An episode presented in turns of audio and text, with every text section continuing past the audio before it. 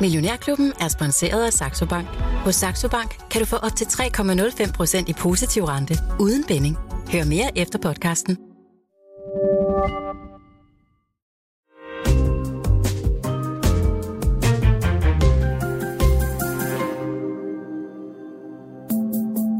Millionærklubben fra Jørgen Vester med sine Terp.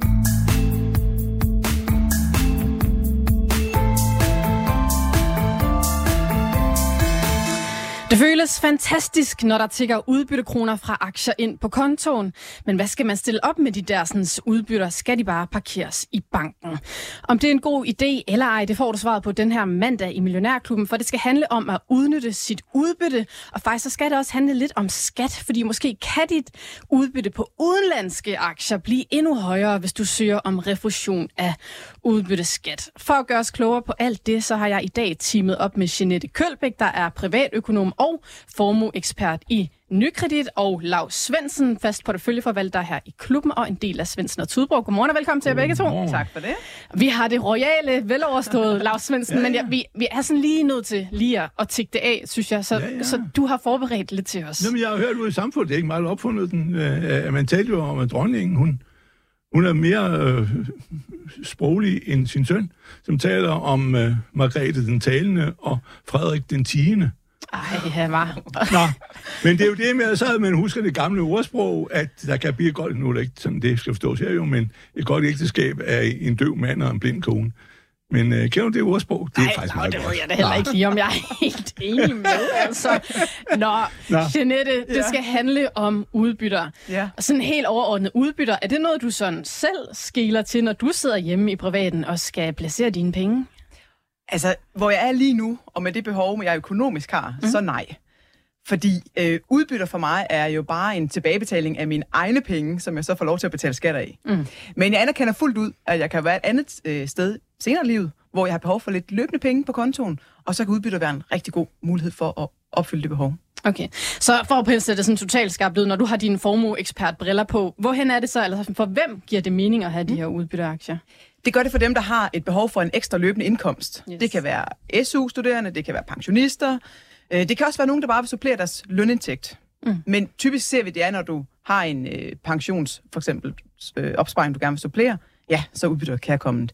Men har du et job, og du løbende sparer lidt op, og ikke har behov for de her penge, så skal man jo nærmere få dem geninvesteret, hvis de kommer, de her udbytter. Ja. Øh, og det er i hvert fald det, jeg skiller meget til. Yes, og netop geninvestering, det skal vi altså snakke mere om lidt senere. Men Lars Svendsen, ja. Ja. vi skal jo selvfølgelig også en tur markedet. ud på markedet. Ej, hvor- hvordan åbner... skæg tanke. Ja, helt mærkeligt, jeg står for den tanke. Ej, hvordan åbner det danske jamen, marked vi op? ligger op med en, en tredjedel procent Danmark, og det er jo sådan set meget godt. USA er faktisk øh, fri i dag, fordi det er Martin, Martin Luther. Luther King, Yes. Dr.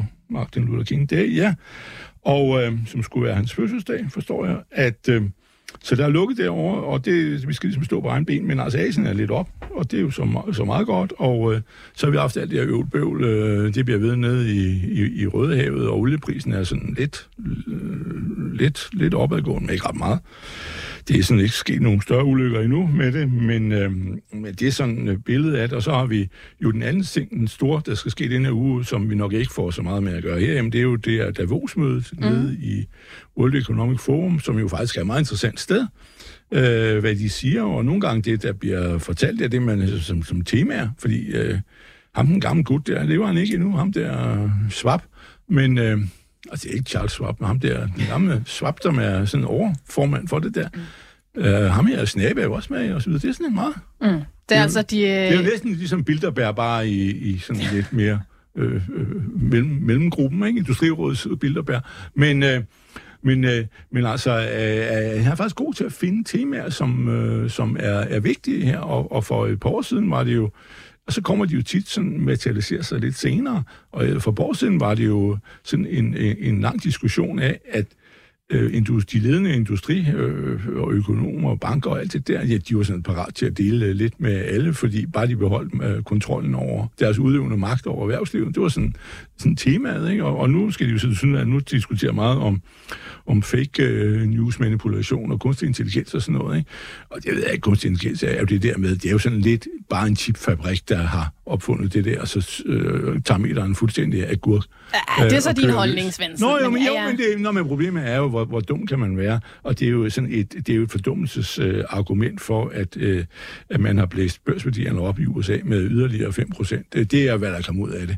Øh, så det vil man tale om også der, så det er jo så nogenlunde sikkert det samme, som vi ved foran. Men, men, øh, men øh, det er lidt interessant, og, altså, hvad, altså tematisk, hvad snakker de om? For de går næsten sikker på, at de næste to år, der er den to, tre, fire år, så bliver det altså nogle ting, der påvirker ud i, i, mm. i, i samfundet og firmaerne og sådan noget.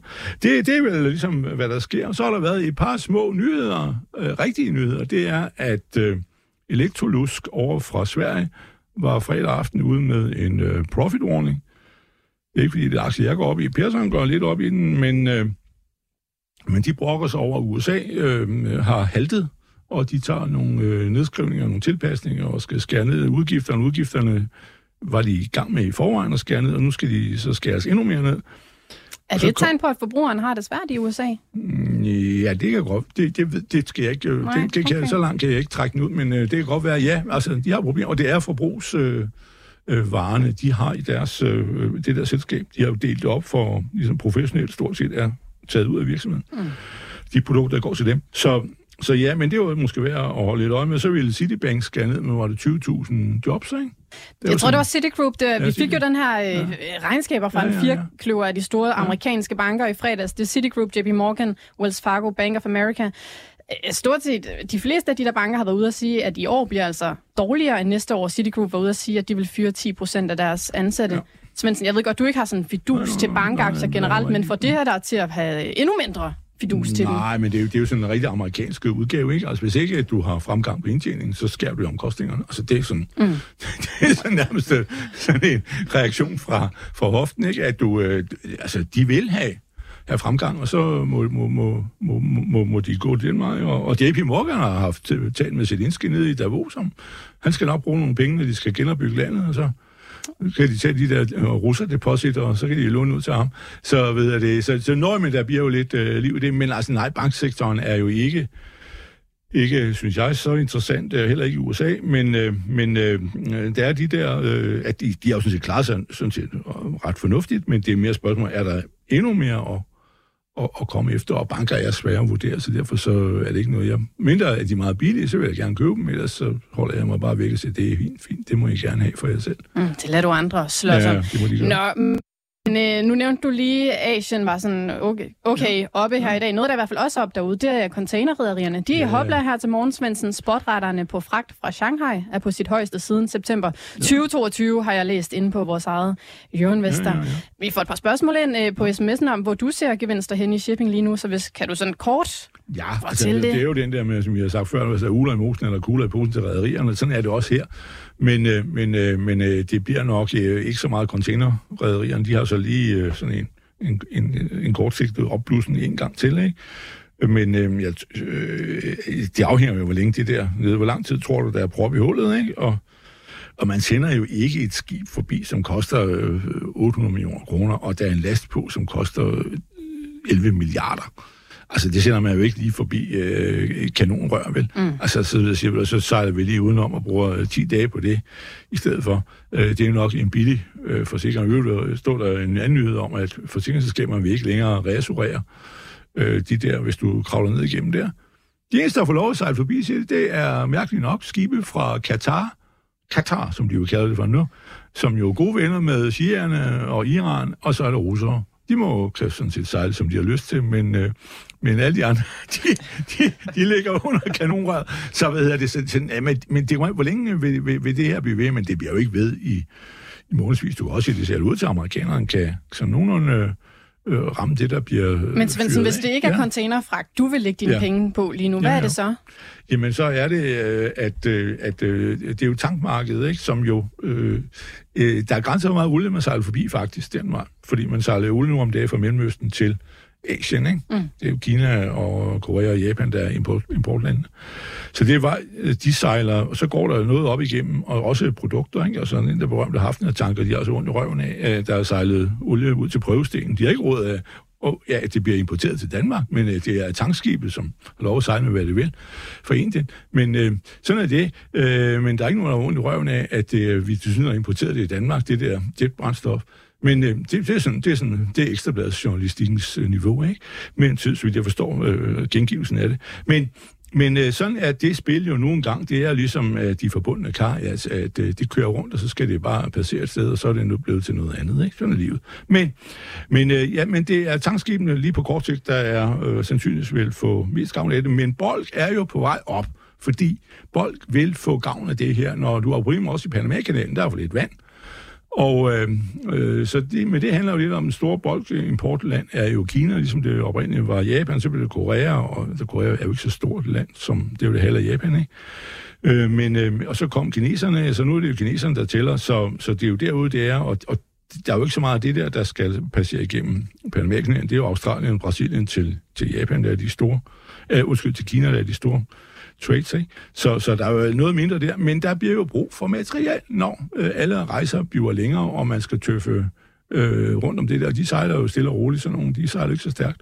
Så der er gang i det, og Norden er jo lige tiden, at købt sig en ny Cape Size, det er jo, øh, han giver op, og det er fint. Det er jo stor aktionær, eller for mit eget vedkommende stor aktionær, mm. det er jo mm. ikke noget, der er 80 procent hos dem, men øh, i Norden, men så ved jeg det, det glæder mig jo, at, øh, så, så jeg tror faktisk, hvis man sagde i dag, så hvad, fra i dag og et år frem. Ja. Hvad så øh, bedst tekst? Jeg tror, det bliver bold. Fordi okay. den er ikke kommet med op, mens tank er så nået halvvejs op. Øh, så de har måske øh, 20-30 procent tilbage opad øh, af bedste gæt. Det er der, jeg tror, jeg skal sælge.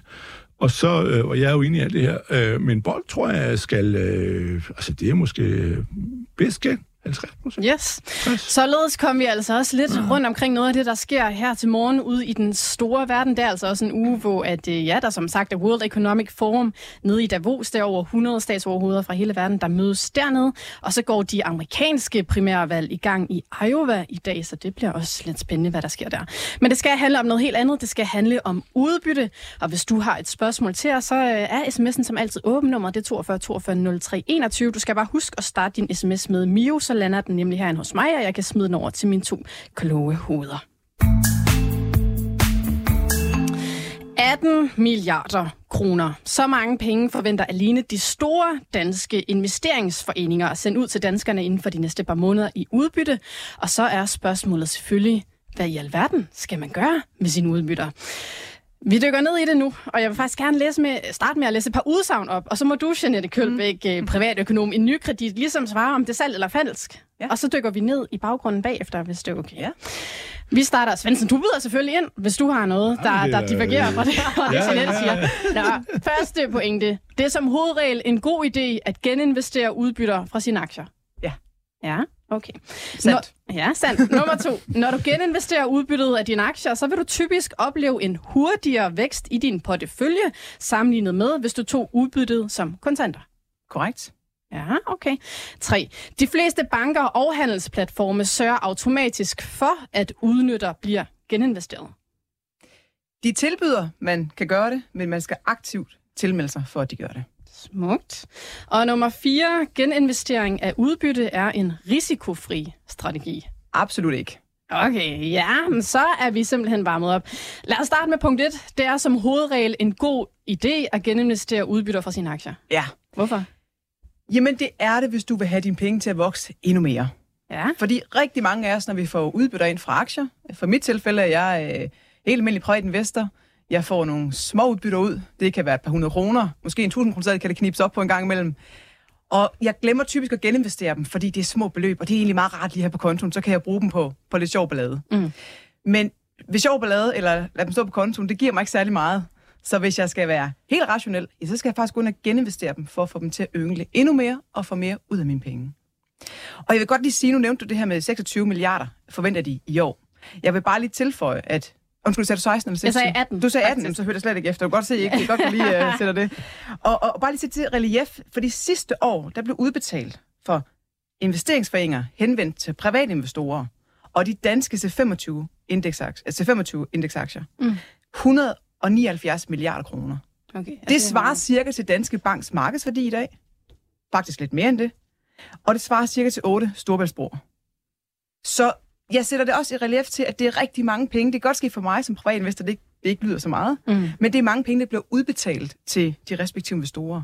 Og får man ikke dem kanaliseret ind i et eller andet investeringsrelevant øh, øh, aktiv, ja, så kan man altså risikere, at de ikke bliver til så meget.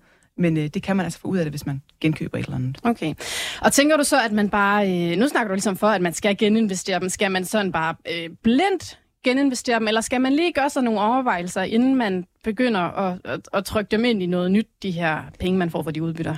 Altså, det nemmeste er jo bare at kaste ind i samme pulje, hvor det kom fra. Mm. Så skal man ikke forholde sig til noget. Mm. Øh, men der skal man også være opmærksom på, og en af dem, som du også var inde på myterne her, det er jo ikke risikofrit. Så hvis jeg nu får udbytte fra en aktie, hvor jeg forvejen har en stor del af min portefølje i, så kunne det godt være, at jeg skulle stoppe op en gang og tænke, måske det udbytte skal bruges på en anden aktie, eller en anden investeringsforening, så jeg får spredt min risiko og ikke lægger alle æg i en kurv. Mm. Og det vil jeg absolut opfordre til.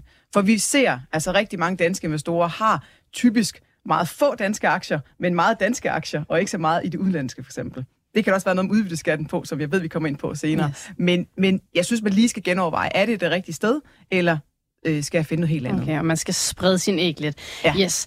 Hvad betyder det så? Nu er det jo sådan det store, helt store spørgsmål. Hvad betyder det for mit samlede afkast, at jeg geninvestere? For det ved jeg nemlig, du har lavet et par beregninger på, Jeanette. Hvor meget vinder jeg ved at putte de her penge tilbage ind i markedet, i stedet for bare at tænke, ej hvor fedt, nu har jeg fået lidt udbytte, nu kan jeg gå ud og øh, gå i byen eller øh, på café. Ja, ja, præcis. Altså det kræver selvfølgelig, at man propper dem ind i en aktie eller et marked, hvor at det går godt. Fordi hvis man rammer en aktie, der går konkurs eller falder, ja, så vil man jo tabe på at geninvestere sine yes. penge. Men noget af det, som jeg har kigget på, er blandt andet, hvis jeg tog Novo Nordisk aktien, som jo var relativt repræsenteret hos de danske investorer, men så er det cirka 13 procent, du har fået i mere afkast over de sidste godt 15 år, hvis du har geninvesteret det udbytte, du har fået fra Novo Nordisk i selv samme Novo Nordisk aktie. Okay. Hvis jeg derimod tager sådan et mere bredt indeks, det kan være det her MSCI World Index, som består af tusindvis af forskellige aktier, øh, og jeg har spredt mine æg i mange kurve her, ja, så er det cirka 20 procent, jeg har fået i mere afkast over en 15-årig periode. Og det er så sammenholdt med, hvis jeg havde fået dem ud på kontoen eksempelvis. Ja. Så det kan give noget af sig, så længe man vælger det rigtige indeks og en rigtig aktie, der stadig bliver ved med at performe. Ikke? Oh, ja. At det Randers, går den anden vej. Randers renteeffekten, man virkelig Randers mærker der. Og der skal man bare huske på, det er jo så simpelt at tænke på den her snibbold, vi ruller, og desto flere gange vi ruller den og ruller den og ruller den, desto mm. større bliver den. Mm. Hvis der ikke er mere sne at rulle i, ja, så bliver den ikke større. Mm. Og det vil svare til, at vi tog penge ud på kontoen. Mm. Så forsvinder sneen også. Ja, selvfølgelig. Godt. Mit øh, andet eller tredje punkt, det var det her med, at de fleste banker og handelsplatforme sørger automatisk for, at udbytter bliver geninvesteret. Det sagde du, at det var noget, de tilbød. Men man skal ja, selv sige ja. Ja, det skal man, og, og der skal man også lige være opmærksom på, hvad det er for en platform, man bruger, eller hvad for en mm. bank, man bruger. Øh, de fleste, og det varierer, men de fleste tilbyder en automatisk geninvestering, sådan at du får et udbytte, øh, typisk over, måske sige 1000 kroner, ja, så går man ind og geninvesterer i den investeringsforening, hvor pengene kommer fra. Og nogle steder tilbyder man også at gå ind og geninvestere i den aktie, hvor udbyttet kommer fra. Okay. Men det er altså ikke sådan, når du går ind på din handelsplatform eller bank og siger, nu køber jeg aktier, så sker det automata- automatisk. Du skal faktisk kontakte den respektive bank eller handelsplatform for at få det oprettet, så det kører fra næste gang, du begynder at få de her udbytter. Okay. Og så tænker jeg jo bare sådan, øh, nu er der sikkert mange af os, der ligger ind med nogle øh, Novo Nordisk aktier, det kunne være, at man har fået sådan noget, altså det er jo ikke altid de helt store beløb, man får mm. i udbytte. Så hvis jeg nu har Præcis. fået 200 kroner fra min Novo Nordisk aktie, en ny Novo Nordisk aktie koster over 700 kroner, hvordan fungerer det så, hvis jeg nu har haft den der aftale i stand på en eller anden måde med min platform? Altså hvis du ikke kan købe mm. øh, den selv samme aktie, så sker der ikke noget. Okay. Så får du penge på kontoen. Yes. Og, og det er jo også lidt det, der er klassisk for i hvert fald den almindelige private investor, det er jo, at der ikke er penge nok til at genkøbe nogle af de her aktier. Så det, jeg vil anbefale der, hvis det ikke bliver geninvesteret automatisk, skal lige siges, så en automatisk geninvesteringsaftale har også sin fordel i, at det typisk er uden kortage. Så man sparer sig også kortagen ved at lave sådan okay. en. Men hvis nu beløbet ikke er stort nok til at geninvestere i investeringsforeningen eller i den enkelte aktie, så akkumulerer det op. Læg alle dine små udbytter sammen, så bliver det typisk et større beløb. Og så skal du selvfølgelig selv ind og forholde dig til, hvad for en fond vil jeg gerne købe op i, eller hvad for en aktie vil jeg gerne købe op i, og så gør det på den måde. Mm. Jeg vil bare sige, det er altså ikke en god undskyldning for ikke at gøre det, at det er nogle små beløb. Så hellere lige få det akkumuleret op, få det til at blive et større beløb, og så gå ind og geninvestere det derefter. Okay. Også selvom man selv skal gøre en indsats for det. Ja, okay. Nu sagde du, da vi sad ude og, og fik en kop øh, kaffe, eller ja, vand var det så faktisk, du fik, Jeanette. Men så sagde du faktisk, at du ikke helt forstod, hvorfor folk, øh, sådan, når du gik lidt rundt, sagde sådan, Øj, jeg glæder mig til, der ja. kommer udbytter. Mm. Hvorfor er det, du tænker, at det er sådan, øh, lidt, jeg ved ikke, misforstået, eller hvorfor, hvorfor forstår du ikke den Jamen, sammenhæng? altså jeg, igen vil jeg sige, det kommer an på, hvor du er hen i livet, og hvad dit økonomiske behov er. Mm. Fordi hvis jeg øh, gik på pension i dag, og fik min løn, eller måske ikke fik min løn, men gik fra at få løn til at få pensions, øh, folkepension og noget fra min pensionskasser øh, af. og bank og hvad ved jeg, ja, så er det jo rigtig rart at få udbytterne som sådan løbende supplement til pensionen. Ja. Der forstår jeg det til fulde. Det, man bare altid skal have for øje, er, at når du får et udbytte, og det gælder uanset om det er en aktie eller en investeringsforening, så går det altså fra værdien af den enkelte aktie eller investeringsforening. Så sådan helt karikeret sagt, så kan man sige, at den 100 kroner hver i dag, og de udbetaler udbytte på 5 kroner, ja, så vil den dagen efter være 95 kroner hver ind i dit depot, og du får 5 kroner ind på din konto. Og det gør du så ikke helt alligevel, for du betaler også lige skat af dit udbytte. Mm. Så du får jo egentlig bare dit egne penge tilbagebetalt. Ja. I stedet for, at du siger, når jeg har et behov, så går jeg ud og sælger. Og først den dag, jeg sælger, så vil jeg typisk blive beskattet, hvis det ligger i et helt almindeligt depot, mm. selvfølgelig. Men er der så en pointe i, fordi når man så køber de her fonde, i hvert fald når man køber øh, nogen, især udenlandske fonde, så kan man købe nogen, hvor der står sådan AKK, altså fordi Ja. de er akkumulerende. Så det vil sige, at de ikke betaler udbytter, altså ja. de er ikke distribuerende, som, de, som det andet pendant hedder. Er der så en pointe i at gå ind og købe dem, der er akkumulerende, så, så man slipper for at få udbytte egentlig? Nej, for der kommer noget med skatten. Ja. Fordi akkumulerende investeringsforeninger er som udgangspunkt kapitalindkomstbeskattet. Det vil sige, at du betaler samme øh, skat af det, som hvis du fik rente i banken. Og det starter på 37 procent og kan ramme op på 42 procent. Udbyttebetalende derimod, ja, den starter på 27 procent og kan komme op på 42 procent, som vi kender det, også for vores almindelige aktier. Så der er noget med skatten, plus også akkumulerende investeringsforeninger, vil som udgangspunkt få afregnet skatten hver eneste år. Det vil sige, når du har haft 1. januar 31. december en værdistigning, lad os sige, du, den stiger med 1000 kroner, ja, så kommer skat og siger, 37 procent af dem vil vi godt lige have, at du indbetaler til os, uagtet om du har solgt eller ikke har. Det er altså tilfældet, hvis du køber en akkumulerende investeringsforening.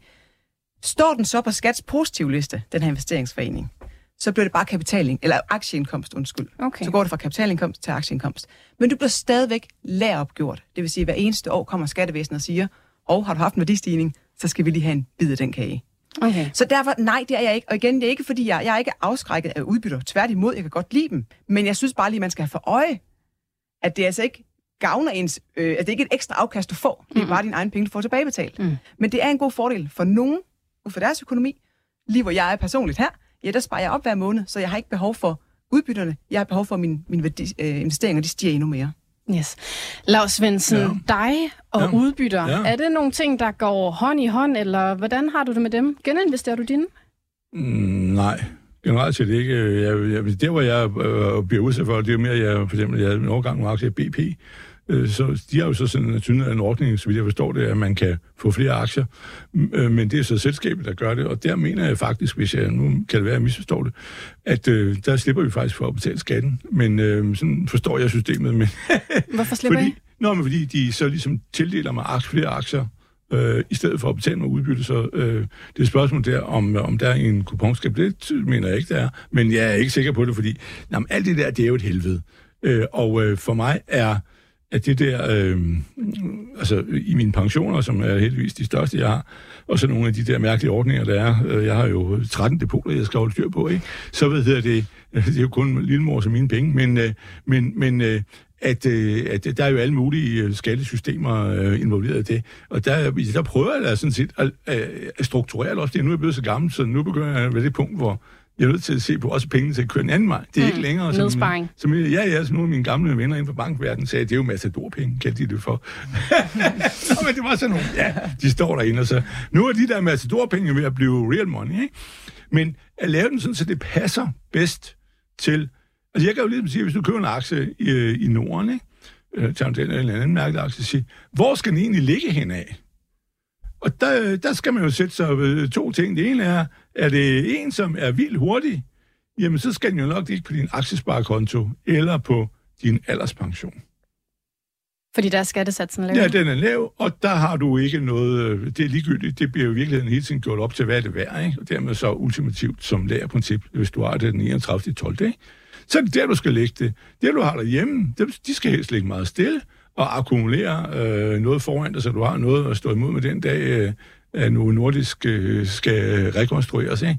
Hvis det sker, det håber vi aldrig. Men, men et eller andet mærkeligt kan indtræffe. Du er nødt til at tage en kursbuffer. Så derfor ligesom den måde, jeg gør det på. Men når du så kommer over i de der med pensioner, hvor mange danskere jo trods alt har stadigvæk har fået lov til at spare nogle penge op, at så er det jo et gedemarked, fordi øh, der kommer udbytter, og øh, øh, der bliver taget kuponskat og alt det der, og så øh, er det spørgsmål, hvor meget vi får. Det er jo, det er jo, det er jo den her helvedesdagen i dag jo. Øh, alle ting, det er næsten sjovt, du kommer, fordi vi skal jo betale palskat i dag, øh, pensionsafgiftsloven, det er i dag. Oh, Øh, ja, og det er sådan en dag, hvor jeg aner ikke, om jeg skal være glad, eller, eller øh, sige, hold nu kæft, skal jeg af med så meget. Øh, Fordi på den ene side, så, øh, så, så nogenlunde det her tænkt, men det er der ikke rigtig nogen. Der er ingen, I skal aldrig spørge jeres bank ad om at bede om lige en specifikation af det, fordi det er der ingen mennesker, der er i stand til. Det er sådan, ja, det er cirka der. Øh, spørg aldrig om det, så gør I alle øh, mennesker en tjeneste, øh, fordi det er ligesom at åbne øh, til afgrundens rand og kigge ned i, i vulkanen på Island, det der. Så det skal I aldrig spørge om. Øh, der må vi være gode ved bankerne og sige, det er det bedste, at gør, at vi ikke giver dem unødigt arbejde med det der, ved at forklare, hvordan det ene er frem til tal. Men pointen er, at de der skatter, som jeg så betaler, når jeg for eksempel ligger med en aktie i Tyskland, jamen for mig er det krigsomkostning bare at sige, det er da ærgerligt, jeg har måttet betale noget skat, men det kan jeg ikke øh, gøre noget ved. Så kan jeg håbe, at det der PAL-system delvis regulerer det baglæns, øh, men det gør det vist ikke rigtigt. Og so be it. Altså, det, det, det, jeg har opgivet. Godt. Altså, Vi hopper ned i det hele det her, du kaldte det et gidemarked med Ja, ja. refusion af udbeskat lige om lidt, men vi har lige fået et par øh, spørgsmål ind, for nu nævnte du også aktiesparekontoen, og jeg tænker, vi Ja. kan måske lige hurtigt runde nogle af dem, vi har fået ind her på sms'en. Mads, Må, må han... jeg lige hurtigt sige noget? Ja. Ja. Lav, glæden ved at betale sin skat, det er, at man også har tjent penge. ja, det er jo det. Ikke? Så man skal faktisk ikke pive over betale Det er jo der, vi har Det er der ikke problem, om det er der, vi har problemet med, om man skal være glad for det, eller Ja. man skal sidde og jage sig over Ja. det. Nu er Du må sikkert være glad for det, stort. Lasse. Nå. Jeg kender jo ikke tallet endnu. Det er dagens gys. Hvis Ja. jeg ikke kommer i morgen, så er det fordi, jeg har fået på politisk så må vi hjem og melde det genoplivning. Nå, Mads Nå. han har skrevet ind til os. Kunne det ikke være en fordel at investere i akkumulerende fonde på en aktiesparekonto? Jo. Kan han så få dem ned på 17 procent skat? Jamen altså, skatten, det jeg snakkede om før, var udelukkende i det, vi kalder et helt almindeligt depot. Når du snakker om aktiesparekonto, når du snakker om børneopsparinger, når du snakker om pensionsdepoter, så er det et helt andet skattemiljø, vi snakker. Og så er det fuldstændig irrelevant, om de er udbyttebetalende eller akkumulerende, fordi skatten den er 17 procent, og du bliver opgjort hver eneste år. Den er 15,3 på pensionsdepoterne, øh, øh, depoterne, og du bliver opgjort hver eneste år. Børneopsparinger, det er skattefrit. Du skal ikke betale noget. Så det er dejligt simpelt. Så skal man holde skattereglerne simpelt, så skal vi have mere af de her skattemiljøer. Men de her traditionelle åbne depoter, som vi kalder det, øh, det er altså der, hvor at, at man skal tænke sig om, hvordan de bliver beskattet i de respektive fonde og Yes. aktier. Så Mads han havde altså en pointe om måske at have nogle øh, akkumulerende fonde ja. på aktiesparekontoen. Ja, det havde han så ikke alligevel.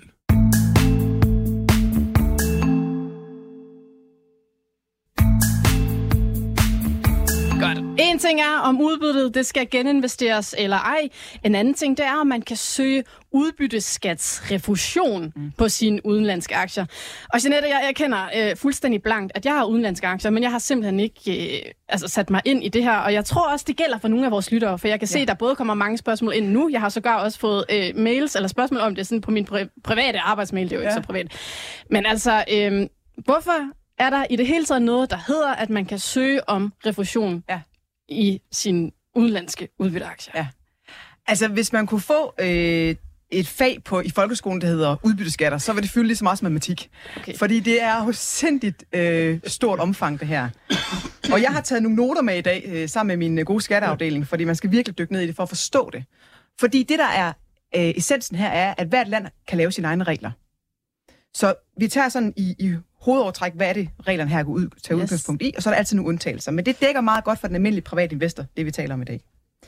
Jeg vil også bare lige understrege starten her, for der er også, det får også tit det spørgsmål. Hvad med min aktiegevinster så? Hvis jeg nu sælger min Apple-aktie med kursgevinst, skal det så også beskattes i USA? Nej, det skal det ikke. Det er udelukkende udbytter, fordi et udbytte, det er en pengestrøm på tværs af landegrænserne. Det er, det er ikke, når man, det kategoriserer man det ikke som, når du sælger dine aktier og får. Okay. en kursgevinst hjemtaget. Udbytter af en pengestrøm på tværs af landegrænserne, ergo du skal betale en udenlandsk udbytteskat. Når det så er sagt, så er reglen jo sådan, at man kun skal betale en udenlandsk skat, når man har hjemmehørende i et land og bopæl i et land, men investerer i et selskab, der er hjemmehørende i et andet land. Eksempler kan være, jeg er investor her i Danmark, jeg er bosiddende her i Danmark, og hvis jeg investerer i for eksempel en finsk aktie, det kunne være Nordea, ja, så skal jeg altså betale udbytteskat til Finland. Det er ligesom reglen. Og der er to ting, jeg godt vil have, man holder for øje her. For der er forskel på, for det første, hvilken kontoskat du bliver opkrævet fra de udenlandske skattemyndigheder. Okay, så hvilken skat, der ligesom er blevet trukket, inden jeg får yes. Yes. på kontoen? Ja. Og så er der forskel på, hvad du rent faktisk er forpligtet til at betale. Ja, så det vil svare lidt til, at du får en regning af en dør, hvor der står, at du skal betale 100 kroner i gebyr for et eller andet, du øh, måske måske ikke har brugt. Øh, det kunne være der abonnement, man aldrig nogensinde ser alligevel. Og de opkræver dig 100 kroner, men du er faktisk kun forpligtet til at betale 50 kroner. Så skal du til at ringe til dem. Ja, lige præcis. så skal du til at ringe til dem og sige, hallo, jeg vil godt have, have sat det beløb ned til 50 kroner. Mm. Og så skal du til at dokumentere for dem. Jamen, har du nu også betalt det? Og er du den rigtige sine, der står her? Og bor du det her sted? Og alt det her.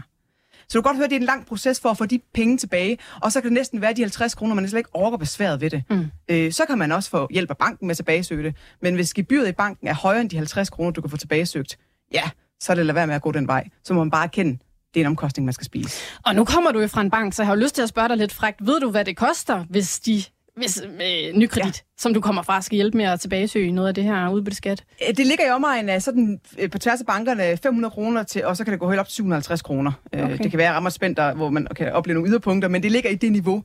Og det betyder jo også, at det beløb, du skal kunne tilbagesøge, altså eksempel med dine 50 kroner, det skal ligesom overstige de her 500 kroner.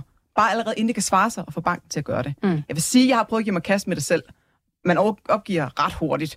For det første, vi snakker om det lav lige inden. Skal du have fat i tyske skattemyndigheder, så skal du også lige skrive på tysk, ikke? Så allerede der, så står jeg lidt af. Yes. øhm, nå, men der er Og, så, og skal vi ikke også lige tilføje, altså vidt jeg ved, så er det beløb på de 750 kroner, de er jo ikke fradragsberettiget. de er ikke fradragsberettet. vil Det, sige, er du, nettobetaler får, du får udbetalt øh, 700 kroner, men øh, som jo er et skattebeløb, som de ikke havde ret til at tage, mm. og du skal beskattes af pengene som indkomst i Danmark, men øh, de 750 har du ikke fradrag på. Men det er jo sådan en, øh, ja, Ja. det er ikke let. Nej. Men igen, det er et kæmpe arbejde at få søgt ja. det her til udbytteskat, og det er også derfor, at der er mange, der simpelthen giver op, og jeg kan godt forstå det. Mm. Men der var de to ting, jeg godt lige holde for øje, hvad du Yes. blev opkrævet, og hvad du så er forpligtet til at betale. Mm. Mm. Og så vil jeg gerne lige, når det så ligesom er stået fast i sten, så at sige, at man, man ved, okay, der er forskel på de to ting, så vil jeg gerne øh, gøre opmærksom på, at i nogle lande, der er det sådan, at den akontoskat, du bliver opkrævet, også er den samme som den, du er forpligtet til at betale. Okay. Så alt er ok. Yes. Eksempel med dine 100 kroner igen. Du bliver opkrævet 50 kroner. Du er forpligtet til at betale 50 kroner. Du skal ikke gøre mere. I andre lande, ja, der kan du altså nogle gange opleve at blive opkrævet 100 kroner, men du er kun forpligtet til at betale 50 kroner. Og så skal du til at tilbagesøge det. Okay. Og hvad for nogle lande er det så, hvor det stemmer overens, og jeg ikke skal tænke på det, og hvad for nogle lande er det så, at jeg skal være lidt mere mm. ops? Ja. Altså, hvis vi bare lige tager vores naboland, lidt syd for grænsen, så at sige. Øh, vi har Tyskland, og der er jo rigtig mange danske investorer, der også har tyske aktier, og det er med rette, de fylder en del i det øh, globale aktiemarked. Øh, I Tyskland er det sådan, hvis vi tager, jeg kan tage mig selv som eksempel. Øh, jeg har ikke Daimler-aktien, men det er et eksempel på, at jeg er bosiddende som dansk investor her i Danmark. Ejer jeg så en aktie, der er hjemmehørende i Tyskland, det kunne være Daimler, ja, så vil de tyske skattemyndigheder af konto opkræve mig 26,375, vi runder lige op og siger 26,4 procent, når jeg får mit udbytte for Daimler. Men det er det, de her konto opkræver mig. Men jeg er kun forpligtet til, ifølge en dobbeltbeskatningsaftale mellem Danmark og Tyskland, til at betale 15 procent. Så der skal du ind og søge. Så der skal jeg ind og søge. Jeg skal ind og søge 11,4 procent tilbage. Og igen, hvis jeg har fået et udbytte på, lad os sige, 1000 kroner, ja, så svarer det til omkring i øh, øh, 110 kroner eller sådan noget, kan jeg tilbage søge. Og det er næsten ikke, igen, gebyret værd eller, eller besværet værd. Mm. Og portoen til Og, brevet. og porto. Ja, men der er faktisk nogle steder, de vil have det faktisk fysisk, og det skal man ikke engang, altså det er faktisk ikke engang løgn. Jamen, det og, og det er jo igen det der med, at vi er forskellige fra. Nogle er digital, øh, og nogle er, er, er lidt mere den, er den, ja, de har stadigvæk øh, kongelig brev rundt omkring. Ja. Og, og, og med det sagt, det betyder så også, hvis, det, hvis jeg simpelthen ikke får tilbagesøgt det her, som jeg kan på de 11,4 procent, ja, så kan jeg jo faktisk stå med en udbytteskat, der svarer på 38,4 procent i alt. Fordi de danske skattemyndigheder, de er så heller ikke færdige med at tage en del af kagen. De siger, jamen, kære Jeanette, du har fået et udbytte for Daimler. Du kunne jo tilbagesøge ned til 15 procent. At du ikke har gjort det, det er vi ligeglade med. Så hos os kommer du til at betale differencen mellem de 15 procent og de 27 procent, som jeg her i Danmark betaler. Nu antager jeg, at jeg kun betaler 27 procent og ikke 42 eksempelvis. Yes. Havde jeg været i en aktiesparekonto eller pensionsdepot, så var det 2 procent, der er differencen fra 15 op til 5, 17 procent, og 0,3, fordi pælskatten på, på pensionsdepotet er 15,3. Så du kan godt se, det, det er en brandbeskatning på nogle udbytter, hvis man ikke får tilbagesøgt det, som man øh, kan. Okay. Og det er så, altså hvis man øh, køber tyske aktier, at man kan Mhm. mm. øh, ende med at skulle øh, sende en brev, du er afsted med et fysisk brev for at få sin for at få sine penge tilbage. Hvad så, hvis vi kigger mod verdens største mm. aktiemarked, altså det amerikanske, bliver jeg så også brandbeskattet af min aktier derovre? Jamen altså, USA og generelt de nordiske lande, hvis jeg lige må tage dem med ind i perspektivet her, fordi det er øh, dem, vi sådan også typisk ser i den, den helt almindelige danske investors aktieportefølje. Tager vi USA og tager vi Sverige, har jeg prøvet at kigge nærmere på, så er det meget nemt, fordi deres kontoskat er begge to 30 procent. Ja. Men modsat Tyskland, så gør de faktisk det, de siger, ja, vi kan af konto opkræve dig 30 procent, men vi vælger kun at tage 15, fordi det er også det, du er forpligtet til. Og så er den jo relativt simpel, ikke? Så har jeg betalt 15 procent på mit udbytte fra Apple, jeg har betalt 15 procent for mit udbytte fra Alfa Laval i, i Sverige, og så kommer de danske skattemyndigheder bagefter og siger, okay, du har taget 15 procent til de udenlandske myndigheder, hvad skal du så betale til os? Og det varierer så alt afhængig af, hvilket depottype jeg investerer igennem. Mm. Det vi snakker om Men før. hvis det er frit, så kører de op til de her 27 procent. Ja, Yes. helt op til 42 faktisk, hvis jeg er rigtig dygtig til at tjene mm. penge. Og så vil jeg lige sige, hvis man nu sidder derude og tænker, jamen hvorfor har jeg så oplevet, at på min nota, udbytte nota, der står der, at jeg har opkrævet 30 procent i kontoskat fra en amerikansk selskab. Så er det fordi, at det er ikke Danmark og USA, der har en aftale om automatisk at redu- reducere. Det er den bank eller handelsplatform, du bruger, og deres depotbank i USA.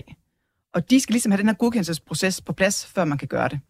Men hovedparten af bankerne og handelsplatformerne her i Danmark, de gør det altså. Det er bare lige, lige et arbejdermænd, hvis der sidder en og siger, jeg kan ikke lige genkende mig det eksempel, hun kommer med. Så er det fordi, det er en proces mellem banken og deres respektive depotbanker i USA eller Sverige. Okay. Og nu nævner vi sådan gentagende gange de her 15 procent, og så vidt jeg forstår, så er det fordi, vi har en eller anden ja, dobbeltbeskatningsaftale med OECD. Ja. Men er der også nogle lande, der ikke er en øh, del af den her dobbeltbeskatningsaftale, så hvor jeg kan risikere at betale meget mere i skat end de her 15 procent ja. egentlig? Det er der, ja. Ja. Og jeg mener faktisk, hvis jeg husker ret, at Frankrig ikke er en af dem. Sådan en af de mere sådan nærområdet, ikke? Okay. Dobbeltbeskatningsaftalen er jo en aftale, hvor man mellem landene har besluttet, hvor meget er du forpligtet til at betale i udbytteskat. Og øh, til, det, til det land, hvor aktien er hjemmehørende. Det er der er vigtigt. Og det er også derfor, når jeg siger hjemmehørende, så er det fordi, hvis du tager Nordea i Danmark, jamen de er jo ikke hjemmehørende i Danmark. De er børsnoteret i Danmark, men de er jo hjemmehørende i Finland. Og det er jo derfor, du skal betale den finlandske udbytte, øh, udenlandske udbytteskat. Men der er nogle lande, der ikke er med i den. Men udgangspunktet er, at dem, der er med i den her dobbeltbeskatningsaftale, som Danmark har med en lang række lande, ja, så er det, hedder det som udgangspunkt 15 procent, og det er derfor, jeg hele tiden refererer til det øh, procentsats. Okay. Men vil der være en eller anden form for logik i ikke at købe franske aktier, for eksempel, fordi de ikke er en del af den her dobbeltbeskatningsaftale, Jeanette Kølbæk? Altså nej, det synes jeg ikke, fordi man skal jo købe en aktie på baggrund af, at man tror, at den giver dig noget samlet gevinst. Mm. Og de fleste aktier er jo ikke berøvet på, at det er udbytterne, der ligesom er det, der har været den helt store øh, gevinstoplevelse øh, oplevelse her. Det er jo aktiekursen. Så hvis man får lidt små udbytter, så må jeg bare sige, jamen, så æder jeg den. Igen, jeg kan ikke lige huske, om det er det, men jeg mener, hvad jeg sådan lige kan huske i, i, i historiebøgerne, at, det, at de ikke er en del af det, og jeg mener, at den er 30 procent også i Frankrig.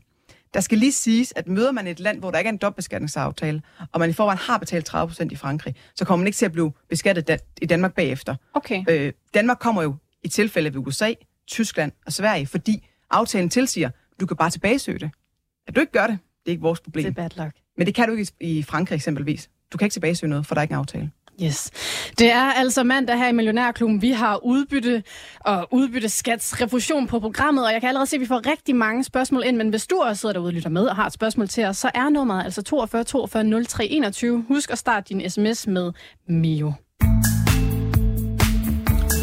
Og jeg tænker bare, at vi hopper lidt ned i den her spørgsmålskasse, Jeanette, hvis du har mod på det ja. I hvert fald. Der er en, der har... Det åbner Pandoras æske, Ja, vi åbner virkelig Pandora. Altså, der, der, er, mange- der er også mange, der skriver tak til os for at tage det her meget relevante emne op. Så, godt. yes. Nå. Okay, der er en, der skriver, hvis jeg nu for eksempel har tyske aktier, skal jeg så hvert eneste år søge om tilbagebetaling af for meget betalt udbytter, eller gælder det så fremadrettet? Og skal jeg søge for hver enkelt aktie, eller gælder det for mig som person? Ja, Du skal søge hvert gang, du får et udbytte. okay. Og når du har søgt en gang, så gælder det ikke fremadrettet. Du skal søge hver gang. Så det er ikke sådan, at man laver en aftale med den tyske myndighed om, at nu har jeg søgt en gang, så nu fremadrettet skal jeg Så reducere nu ved jeg, jeg nu har ved jeg, har det. Daimler-aktier. Nej, det går ikke. Det er hver gang. Det, som bankerne typisk gør, det er, at de siger, hvis du nu har sådan som Apple, øh, nu er det ikke tilfældet, men øh, den ved jeg bare lige giver fire gange om året. Men der kan også være en tysk aktie. Jeg tror måske også Daimler giver et par gange, men, men i hvert fald lad os sige, at den giver to-fire gange om året udbytte. Det er der nogen, der gør. Så kan man godt som oftest lige vente, når året er gået, og så søge om de fire gange, som ikke skal... Altså søge én gang, og ikke fire gange i løbet af året. Øh, Det er i hvert fald det, jeg ved, bankerne typisk gør. Og det leder mig frem til et andet spørgsmål, vi har fået ind, nemlig hvor lang er tidsfristen, altså fra man har fået udbyde ind på sin konto, og til man så tilbagesøger det. Hvor lang frist har man til at Det er individuelt. Det, Det- kommer an på, okay. hvornår forældelsesfristen er i de respektive lande. Åh, ja. Ja. altså det er da virkelig... Men igen, som jeg siger, udgangspunktet er i hvert fald, at mange banker, de vælger at sige, hvis du får sådan nogle små beløb inden fire gange om året i udbytter, jamen så vælger de typisk at samle det op i løbet af én gang, så man søger på én gang alle fire udbytter det forgangne år. Okay. Så holder man det inden, sig, inden for et år, så er der ret stor sandsynlighed for, at du kan tilbagesøge én gang, og ikke fire gange, fordi du får udbyttet fire Og er det et kalenderår, eller Det er er et det kalenderår. løbende 12 måneder? Ja. Okay. Så har vi også Christian, der skriver til os, søger danske investeringsforeninger altid om refusion for de udenlandske aktier, de har i deres foreningsporteføljer. Så går de ind og gør det Ja. for mig, hvis jeg har en dansk investeringsforening? Ja. Og nu kommer jeg fra en bank, og jeg ved godt, at folk siger, jamen, så skal du sælge nogle investeringsforeninger osv., men det her det er faktisk oprindeligt for hjertet. Hvis man vil undgå alt det her hul om hej, hvis jeg må kalde det det, med udenlandske, investerings, ud- udenlandske udbytteskatter, så det at have en dansk investeringsforening, der investerer i udenlandske aktier, det er langt nemmere, fordi der sørger investeringsforeningen for at tilbagesøge alle de her udenlandske udbytteskatter. Mm. Så jeg skal ikke forholde mig til noget. For mit forhold med den her investeringsforening, der er noteret og hjemmehørende i Danmark, ja, det er jo bare de danske skatteregler, der gælder. Så på den måde er det faktisk noget nemmere at øh, komme omkring det, end jeg selv skal til i gang med, med udenlandske aktier. Men hvad så, hvis jeg har en amerikansk forening, eller en eller anden iShares, eller sådan, som mange har? Er det så, så er de så ikke også for, at det bliver beskattet efter amerikanske regler, eller hvordan og hvorledes? Altså ETF det? eller iShares, ja. øh, øh, iShares med de store ETF-fonde, der, de, øh, det er relativt nemt, de er akkumulerende. Okay. Så de betaler ikke udbytter yes. som udgangspunkt. Så er der i hvert fald en enkelt en, jeg ikke lige har stødt på, men, øh, men, men de er øh, som udgangspunkt ikke udbyttebetalende. Og det er der ret mange af de udenlandske fonde, som vi danskere tyrer til, øh, der ikke gør. Så, okay. så vi skal ikke gøre så meget så der er man udenom det? Ja, men, men, men har man en udenlandsk investeringsforening, øh, og den betaler udbytte, jamen så skal du igen til at tilbagesøge noget, for så gælder det samme regler, som hvis du havde en udenlandsk aktie. Okay. Yes. Modtaget. Øhm, Anders, han har skrevet til os. Vil det være fordelagtigt at forsøge at undgå udbytte, især fra udenlandske selskaber, hvor der skal betales udbytteskat til andre nationer? Så altså sælge aktiebeholdning om eftermiddagen før X-dag for at genkøbe på X-dagen til formentlig en kursreduktion. Ja, okay. Altså han, Ja, øh, han ja, tænker den langt, så at man ligesom sælger aktien, Ja. inden man inden ekstagen, altså hvor man øh, Ja. skal eje aktien for så ikke at få udbyttet, men så forhåbentlig køber aktien tilbage ja. til den lavere kurs, efter udbyttet er faldet fra. Giver det Ja. mening? Jamen, jeg forstår godt det, han siger, og ja. i skoleteorien gør det sådan set. Altså, du sælger til, igen hvis jeg må tage et eksempel frem, hvis det koster 100 kroner før du får udbytte, og 95 kroner efter dit udbytte, ja, så sælger du den til 100 kroner, og du køber dem ind igen til 95 kroner. Mm. Øh, det du bare skal, jeg vil ikke umiddelbart anbefale at gøre det, fordi der er mange ting, der også påvirker det. Når han sælger til 100 kroner, jamen så kan det være, at han realiserer en kursgevinst samtidig. Det vil sige, når du realiserer noget i et helt almindeligt depot, så falder der også en øh, betaling af skatten af kursgevinsten. Og mit skoleeksempel her, at den falder fra 100 kroner til 95 kroner, det er jo et skoleeksempel, fordi der er jo også daglig udsving på børsen. Så det kan jo godt være, at du kun kan købe ind igen til kurs 96 eller 97. Det kan også være, at du køber ind til 94 eller 93, fordi det definerer jo bare de daglige udsving, der er. Så der er jo også en risiko, du løber, for du hopper ud af markedet og ind igen. Mm. Så jeg vil ikke selv spekulere meget i det, medmindre det er et massivt udbytte, de kommer med, og jeg helst vil undgå det. Et tilfælde, man lige skal være opmærksom på, det er faktisk, hvis man ligger inde med en skattefri aktiebeholdning. Og hvornår gør man det? Ja, det gør man, hvis man 31. januar, nej, det hedder det ikke, 31. december 2005, havde en aktiebeholdning på, som øh, enlig, 136.600. Hvis den var under 136.600, så er de aktier, der var der dengang, formentlig skattefri. 273.100 for ægtefælder. Hvorfor siger jeg det her? Det gør jeg, fordi hvis jeg får kursgevinster på de her skattefrie aktier, så skal jeg ikke betale skat af dem. Men får jeg udbytter fra de her aktier, så skal jeg betale skat af dem. Både i udlandet, hvis det er udenlandske, og herhjemme, hvis det er danske også. Så det er meget sjovere for mig, hvis jeg har nogle skattefrie aktier, at få en kursgevinst, end det får udbyttet. Så hvis man alligevel skal af med de her skattefrie aktier, så er det altså bedre at sælge dem dagen før udbyttet kommer. Øh, fordi så får man sin store, flotte kursgevinst, der er skattefri, og man øh, undgår et udbytte, som man bliver beskattet af. Ah, ja, men det Ja. Men, men altså, de der aktier, du taler om, det er jo nogen, som er skattefri for tid og evighed. Så, så derfor skal man virkelig. Øh, synes, at nu er det tid til at slagte konen. For ellers så er det nok bedre at betale de der øh, 27 procent i, i udbytteskat. Øh, Det er selvfølgelig, hvis man Øh, selv for- tænker, de skal af. Ja, ja. ja. Man Fordi, skal- øh, de, de, altså generelt, hvis man har sådan nogen derhjemme i skuffen, så skal I bare beholde dem derudad. Øh, det, det, øh, Men det er jo en undtagelse. Men der er frygtelig mange undtagelser, så... Men lad os lige, fordi vi har også fået et spørgsmål ind Ja. fra Nina, som netop øh, spørger ind til det her. Hun har nemlig Novo-aktier, hun købte før 1. januar 2006. Mm. De ligger på hendes kapitalpension.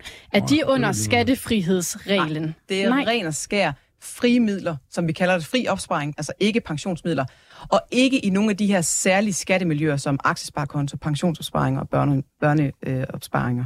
Så det er, hvis du har det helt almindelige depot, så kan du komme ind under grænsen. Okay, så Nå, i den Nina, forkerte lomme. hun har dem i den forkerte Ja. lomme. Simpelthen. Svendsen, lad os lige vende tilbage til det her med at sælge før x-dagen Ja, og ja, købe ja. tilbage igen, når kursen Ja, så ja, formentlig ja, er ja, faldet. ja. Er det noget, du nogensinde har gjort dig i? Det, jeg skal indrømme, jeg kan ikke huske det, men, øh, men, øh, men det er jo en måde at klare det på, hvis det er et større beløb, øh, at så kan man jo gøre det på den måde. For ligesom, og det er også der, hvor vi ligesom har den der, sådan, nu er temaet måske forsvundet lidt, den der med, skal vi være glade for udbytter eller ej? Ikke? Mm. det var jo ligesom der, hvor vi startede. Hvor mange mennesker siger, uh, her nu kommer der, sidste år var det AP Møller med, var det 4.300 kroner og alt det der, eller året før, ikke? Øh, så, så hvad hedder det, øh, at, øh, at det, det, altså, der er jo begrænset, altså, det er som en begrænset glæde, ikke? fordi øh, det så falder kursen selvfølgelig, det siger sig selv, men, men også, at så øh, bliver der jo parkeret med det samme øh, 7% skat, ikke? så du kan jo ikke, øh, så er de penge væk, ikke? Hvis du vil reinvestere dem, så mangler du dem. Men, men altså, det er en begrænset glæde, og det skal man huske, og en af de måder, man, man kan jo ligesom, Altså ligesom at omgås krudt, skal man jo gøre det med lidt øh, varsomhed, og nogle af de ting, man kan prøve at tænke sig godt om, som jeg prøver så meget jeg magter, men det er jo for eksempel, at man kan jo købe rædderier, som øh, jo ikke betaler praktisk talt selskabsskat. De har jo tonageskat i Danmark. Og hvis du køber det nogle af de der udenlandske, så ligger de som oftest på Marshall Islands eller Bermuda eller den andet sted, hvor man ikke betaler skat. Mm. Når, øh, eller Kyberen, øh, for eksempel Avance Gas er blevet flyttet til Kyberen, ikke? at øh, jamen, så udlår de et stort beløb. Der er ikke noget øh, udbytteskat, den er nul. Og så, øh, når du får dit år, så står der, at du har fået 50.000 kroner i udbytte, så betaler du skat 50.000 kroner, og så er det jo ligesom, om den var øh, en dansk. Det er jo en måde, man kan gøre det på. Altså ligesom prøve at tænke dig om på forhånd, fordi, og så er det vist nok for eksempel, når jeg var i sådan en med, med SIM, containeret, som udlod voldsomt store beløb, det gør de så ikke mere, for nu øh, tjener de jo ikke nogen penge, de er nede på nul. Men, men øh, han er jo beskattet i Israel, øh, fordi han bor ikke på en eller anden behagelig ø med, med palmer. Og så, øh, der tror jeg faktisk nok, at jeg betaler en voldsom stor skat, og, og så er der en lang forklaring, du kan læse, det er jo flere sider, øh, som ingen mennesker forstår, hvad gør jeg så, og hvad gør jeg ikke? Og der er vel løsningen at øh, sælge den ind og købe den tilbage, især hvis det er en, øh, en pensionsordning, så er det jo lige meget, for så er det jo symmetrisk, så er det jo, hvad er det til sidst, når du 31. 12. eller når du sælger den, ikke? Så, så det er altså noget, noget gedrøderi, men man kan prøve at tænke sig om. Og, og derfor er det for eksempel også, det er jo sådan en anbefaling nu af rædderier, da de jo ikke betaler ret høj skat, øh, i Danmark er det næsten 0, øh, og, øh, eller du har dem liggende på behagelige øer, jamen så er det jo et glimrende sted at få udbytte fra. Frem for at en virksomhed, som øh, hvis den øh, øh, boede i særdeleshed i USA eller sådan noget, så vil den blive klippet, ikke? Så det skal man altså lige kigge meget nøje efter, hvor er hjemstedet på det her. Og apropos, hvor hen hjemstedet er for noget, Jeanette, inden vi gik i studiet, så sagde du også noget om, at hvis man købte aktier på en børneopsparing, ja. så Ja. skulle man måske også lige have sig ja. for øje, hvor de aktier hørte hjemme. Ja. Prøv lige at udfolde det en gang, for det kan være, at det er relevant for nogle af dem, der også lytter med. Ja. Altså nu har vi jo snakket om den her problematik med udenlandsk udbytteskat, og der er det jo som udgangspunkt det, jeg har talt om, et helt almindeligt depot. Yes. Men i Danmark har vi jo nogle af de her lukrative opsparingsformer, øh, og det er jo typisk rationeret, og det er det jo ofte, fordi det er øh, fordelagtigt på en eller anden måde. Aktiesparekontoen snakker jeg om, øh, pensionsopsparing. Men den suverænt bedste opsparingsform, det er jo en børneopsparing, fordi afkastet, det er 0% i skat. Så Øh, Så du også sagde lav tidligere, det gælder jo om, hvis man turer det på sin børns penge, det skal man lige passe på med det her, og give maks afkast øh, på der, der, hvor skatten er 0, og så må man være lidt mere forsigtig på de, øh, på de penge, hvor, hvor skatten er højst. Men igen, det, det skal man nok lige passe på, når det er børnenes penge, vi snakker om. Det, jeg jeg synes- bare betale igen, jo. Så må du bare du betale. komme med... Jamen, jeg røg 8.000, så Ja. ja. kommer med 8 nye. Du Ikke? må have en reserveopsparing til, hvis Ja, det går ja, galt. så er Ja, det ja. Ja, nå. Øhm, det, som, det, som jeg synes, der er værd at lægge mærke til, når vi snakker børnesparing, og generelt de her skattemiljøer, det er udenlandske aktier. Hvis du har dem liggende i nogle af de her miljøer, der skældner de udenlandske skattemyndigheder ikke imellem, om du har det på en aktiesparekonto, børnesparing eller noget. Mm. De er ligeglade. De behandler det på en og samme måde. Og det var den måde, vi beskrev lige tidligere. Så hvis jeg nu har en børneopsparing, det har vi til vores datter, vi har investeret i for eksempel en Nova-aktie og en Eller Lille. Det har vi ikke, men det er bare et eksempel, fordi det er to konkurrerende selskaber. Det ene er hjemmehørende i Danmark, det andet er hjemmehørende i USA. Så sker der det, at hvis nu vi antager, at de her to selskaber giver præcis det samme i forventelig afkast fremadrettet, ja, så vil udbytte fra Eller Lille, det vil jo blive af kontobeskattet med 15 procent. Men udbyttet fra en dansk aktie, den kan godt finde ud af at håndtere de her forskellige skattemiljøer. Så derfor er udbytteskatten på Novo Nordisk 0. Og så kan jeg godt ringe til de amerikanske skattemyndigheder og sige, hov, jeg har Eller Lille i en børneopsparing her i Danmark, vi skal ikke betale skat af det afkast. Der ligger de pænt rød på og siger, ja, det er flot, det må du tage med, med, dan, med de danske skattemyndigheder. Og de danske skattemyndigheder vil altså ikke refundere dig for en skat, du har betalt i USA. Så her er det tankevækkende faktisk, at hvis du har en udenlandsk aktie i dit børneopsparingsdepot, og du bliver opkrævet en skat i det land, hvor aktierne er hjemmehørende, og det vil du typisk gøre, ja, så kan du ikke undgå at betale den skat, du er forpligtet til.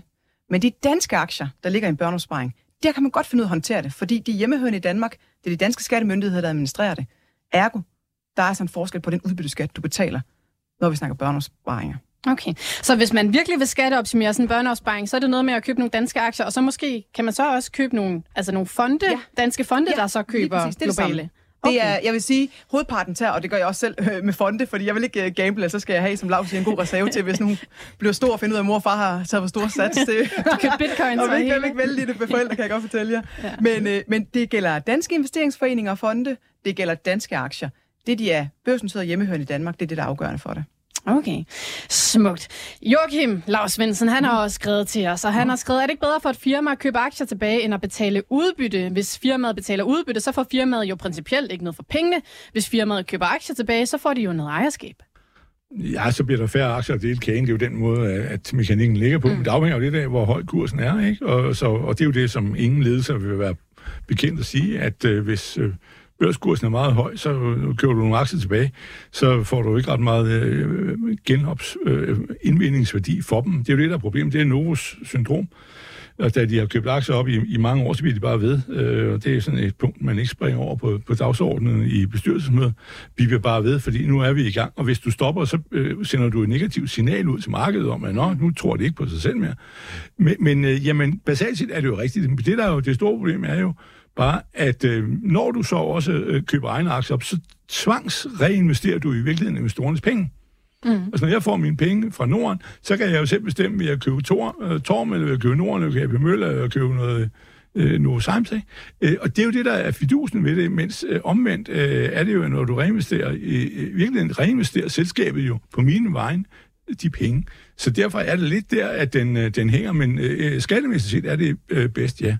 Det er rigtigt bedst, at de køber aktier tilbage ja, i en virksomhed. det er korrekt. Ja. Hvis kursen ikke er alt, alt for høj, fordi så bliver problemet det, at så, mm. så sidder vi jo bare og, og, og fodrer dem, der sælger aktierne. Mm. Ja. Smukt. Således kom vi altså rundt ja. omkring udbytter og udbytteskatsrefusioner. Ja, det kan godt være, at jeg lige skal hjem og høre den her udtalelse ja, en gang til for at forstå det. det hele, men fedt, vi kom rundt om det. Svendsen... Og, og, og der er lige en pointe. Du ja. havde et andet dag her for en uge siden i programmet med en, der stod og fortalte om, hvad udmærket mand, om udbytteaktier, yes. hvor godt det var. Balladen er jo det, jeg tænkte på den dag, jeg sad og lyttede på jer jeg siger, ho, ho, det afhænger jo også af de forbandede skat. Og derfor kan det godt være, at man står og taler om udbytte nights og alt det der, og fine lange forklaringer, og meget af det var jo USA. Og så er lige vi ender med dit spørgsmål. ja, det er jo meget godt, men, øh, men vi bliver rundbarberet i skat, så det er måske ikke der, at du skal have din øh, udbytte nights. Vel? Ja. Det er ikke USA. Man skal ja. simpelthen ja, tænke holistisk. Ja, man skal ja. tænke på det hele, når man investerer. Mm. Svendsen, øh, markedet stadigvæk minus 0,7 står der her på min skærm. Ja, Genmap Bavarian trækker ned. Vi startede lige over, jo. Ja, ja. ja. Ja, men ved du hvad, jeg, jeg kan ikke svare dig på det, men øh, det, det er jo en dårlig dag, at USA er lukket, så vi skal klare os på egen hånd, ikke? Ja. Så ved det, ja, men altså, kan vi ikke tage den i morgen? Øh, jeg tror ikke, der skal nogen større ulykker det. Vi skal bare sådan cykle lidt alene øh, i Europa. Lidt. Ja, vi må se, om vi kan finde balancen på den cykel. Jeanette Kølbæk, privatøkonom og formueekspert i Nykredit. Lars Svendsen, fast porteføljevalder i Klut. ja, tusind tak, fordi at du var herinde og gør os klogere på det hele. Og tak til Jakob Ranum, der fik det hele til at køre ude i teknikken. Vi er tilbage i morgen.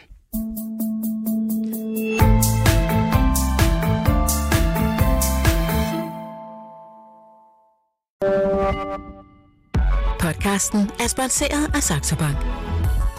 Vi starter året med lave priser på globale aktier. Nu kan du blandt andet investere i amerikanske aktier til kun 1 dollar i minimumskortage. Kom i gang allerede i dag på saxobank.dk og opret en gratis investeringskonto.